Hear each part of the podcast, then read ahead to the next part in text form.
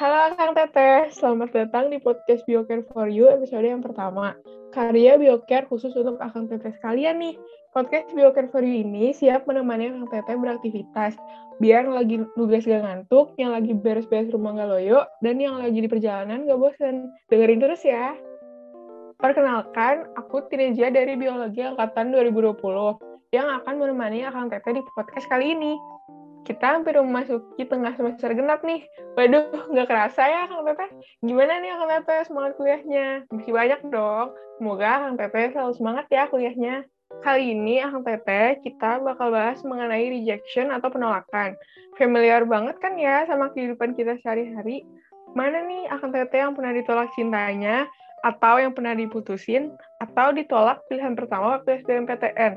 Atau mungkin pernah daftar salah satu organisasi atau UKM di kampus, eh pas pengumuman tuh ya nggak diterima. Atau yang juga sering terjadi nih, waktu maba pasti dong sempat ngalamin ngerasa nggak punya temen yang cocok, sedangkan teman-teman yang lain udah punya circle masing-masing. Itu semua penolakan yang menyedihkan banget kan ya, Kang Teteh. Penolakan emang sering terjadi di kehidupan kita dari yang paling kecil sampai yang paling kompleks. Walaupun penolakan yang kita alami itu sederhana dan kecil banget, penolakan tetap nyakitin hati gitu nggak sih kan teteh rasanya? Suka jadi overthink kayak ngerasa diri kita kurang baik lah atau ngerasa kita beda sama orang lain lah ngerasa diri kita udah banyak ngelakuin kesalahan lah. Penasaran gak sih akan teteh kenapa kita bisa ngerasa kayak gitu Nah, ternyata nih akan teteh, perasaan sakit hati akibat penolakan itu ada hubungannya sama evolusi manusia. Manusia itu kan makhluk sosial. Dari zaman dahulu, manusia udah hidup dalam kelompok-kelompok kecil atau suku. Seperti yang kita tahu, manusia zaman dulu bertahan hidup bersama sama kelompoknya. Hidup berkelompok memudahkan manusia untuk mencari makanan, melindungi satu sama lain, dan meneruskan keturunannya. Pada masa itu, tanpa hidup berkelompok, keselamatan seorang manusia akan terancam. Dari sanalah otak manusia mulai berevolusi.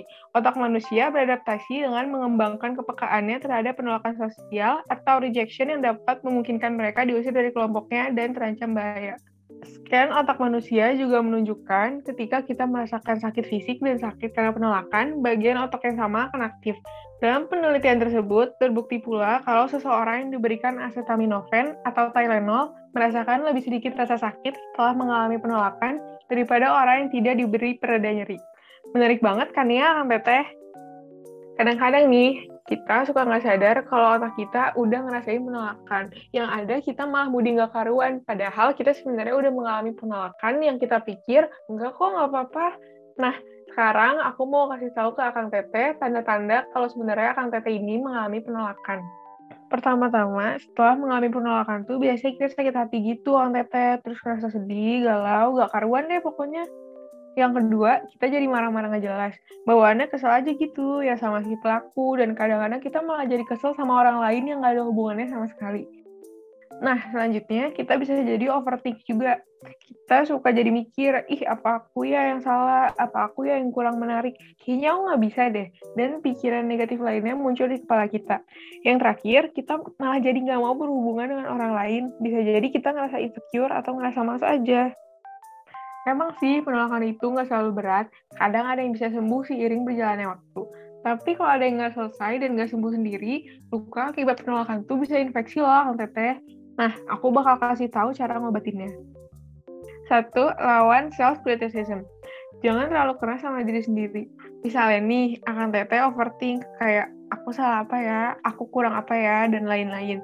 Stop ya, akan teteh, gak semuanya akibat dari kesalahan dan kekurangan akan teteh. Percaya deh, mengkritisi diri sendiri kayak gitu tuh cuma bikin lukanya makin parah. Dua, kembaliin kepercayaan diri. Nah, akan teteh harus bisa lebih pede lagi ya. Ingat hal-hal apa aja yang akan teteh suka dari diri sendiri, apa aja yang akan teteh anggap berharga dari diri sendiri, dan apa aja yang teman-teman suka dari akan teteh. Boleh banget hal-hal ini ditulis biar bisa jadi pengingat buat akan teteh kalau insecure lagi. Tiga, kembali bersosialisasi. Setelah mengalami penolakan, jangan malah menyendiri dan menghindar dari teman-teman ya, Kang Teteh. Tetap ngobrol sama orang-orang terdekat, karena support dari orang terdekat bakal bisa mengurangi stres, apalagi kalau habis mengalami penolakan. Empat, membiasakan diri. Dalam beberapa kasus, diri kita bisa terbiasa menghadapi penolakan nih Kang Teteh. Kita bisa banget jadi orang yang lebih kuat dan lebih resilient sewaktu mengalami penolakan. Makin bertambah pengalaman kita mengalami penolakan, makin kuat juga kita dalam menghadapinya Kang Teteh. Nah, semoga Kang Teteh udah lebih paham ya sekarang sama yang namanya rejection atau penolakan. Semoga yang aku sampaikan di podcast episode kali ini bisa bermanfaat. Sekian dulu podcast dari Biocare kali ini. Akan teteh jangan lupa follow ya podcastnya dan jangan lupa selalu mendengarkan episode-episode terbaru dari podcast Biocare for You ini. Terima kasih banyak Kang Teteh. Aku pamit ya. Semangat kuliahnya. Sampai ketemu di episode selanjutnya.